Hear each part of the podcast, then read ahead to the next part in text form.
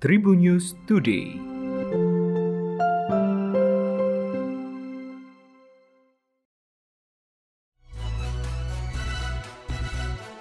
Halo Tribuner, berjumpa kembali bersama Memes mendesakan berbagi informasi untuk kamu dimulai dari berita nasional. Komisi Pemberantasan Korupsi atau KPK menambah masa penahanan mantan Wakil Ketua DPR RI Aziz Samsudin selama 40 hari. Dengan begitu tersangka kasus dugaan suap terkait penanganan perkara tindak pidana korupsi yang ditangani KPK di Kabupaten Lampung Tengah itu akan lebih lama lagi mendekam di rutan Polres Jakarta Selatan.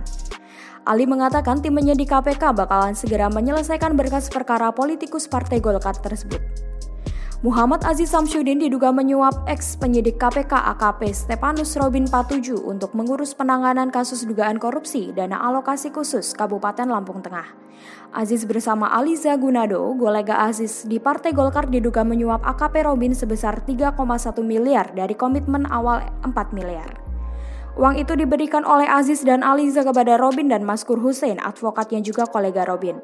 Aziz disangka melanggar pasal 5 ayat 1 huruf A dan B serta pasal 13 Undang-Undang Pemberantasan Tindak Pidana Korupsi. Ancaman hukuman pasal-pasal ini maksimal 5 tahun penjara. Sebelum diumumkan sebagai tersangka pada Sabtu 25 September 2021 dini hari, KPK menangkap Aziz di rumahnya kawasan Jakarta Selatan pada Jumat 24 September 2021 malam. Setelah ia menghindar dari panggilan pemeriksaan dengan cara mengaku sedang isolasi mandiri karena berinteraksi dengan orang positif COVID-19. Namun hasil tes swab antigen oleh tim penyidik bersama tenaga medis justru menyatakan Aziz non-reaktif COVID-19 alhasil Aziz dijemput paksa. Kepolisian akhirnya menetapkan wanita yang mengaku menjadi korban begal 1,3 miliar di Garut, Jawa Barat. Ternyata wanita yang diketahui berinisial IS tersebut membuat pengakuan bohong soal peristiwa begal yang dialaminya pada Jumat 8 Oktober 2021. Hal tersebut yang membuat IS ditetapkan sebagai tersangka oleh polisi.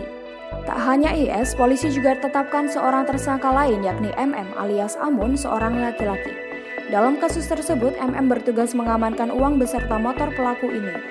Kapolres Garut AKBP Widarhanto Hadi Caksono mengatakan keduanya menjadi tersangka setelah ketahuan membuat pengakuan bohong yakni telah menjadi korban begal dengan kerugian miliaran rupiah. Setelah proses interogasi terhadap kedua pelaku, ternyata membuat keterangan palsu soal jadi korban begal. Sebelumnya pada Jumat 8 Oktober 2021 petang pelaku mengaku telah menjadi korban begal. Tas dan motor yang dikendarainya dibawa tiga orang tak dikenal di jalan Cisurupan, Cikajang, Garut. IS sempat kesulitan untuk dimintai keterangan lantaran berpura-pura mengalami shock bahkan sempat dibawa ke pelayanan kesehatan dan diberi alat bantu pernapasan. Atas perbuatannya tersebut, IS dan MM terancam hukuman 7 tahun penjara. Mantan suami penyanyi Nindi Ayunda, Askara Parasedi Harsono sudah keluar dari penjara. Askara bebas setelah menjalani hukuman terkait kasus penyalahgunaan narkoba, kepemilikan senjata api ilegal dan kekerasan dalam rumah tangga pada istrinya. Kepada awak media, Askara Parasadi Harsono mengungkap reaksi Nindi saat mengetahui dirinya bebas dari penjara. Menurut Askara, mantan istrinya itu sampai menangis. Tangisan tersebut menandakan ungkapan Nindi kepada Askara saat bisa kembali ke pelukan anak-anaknya. Ia pun menuturkan sampai saat ini masih menjalin hubungan baik dengan Nindi Ayunda. Kini Askara Parasadi Harsono tak mau lagi melihat ke belakang. Askara ingin fokus memperbaiki diri dan kesalahan kepada kedua anaknya. Peraih medali perunggu Olimpiade Tokyo 2020, Anthony Ginting harus mengakui keunggulan lawannya, wakil Thailand Kantampon Wang Charoen, dengan pertandingan dramatis. Indonesia kehilangan poin pertamanya setelah Ginting dikalahkan oleh Kantampon melalui rubber game dengan skor 21-16, 22-24, dan 23-25. Pertandingan Indonesia versus Thailand di laga pembuka berjalan cukup sengit. Pada awal game pertama, Ginting mendapatkan perlawanan ketat. Di awal set, Ginting membuka keunggulan dengan skor 4-1. Namun Kantampon mencoba mengejar ketertinggalan dengan menyamakan kedudukan 4-4. Ginting berhasil menyumbang 8 angka secara beruntun hingga skor akhir game pertama dimenangkan Indonesia dengan kedudukan 21-16. Sayangnya pada game kedua Ginting melakukan beberapa kesalahan dengan pukulan melebar membuat kedudukan berbalik oleh Kantampon. Ginting dan Kantampon saling kejar-kejaran merebut poin demi poin.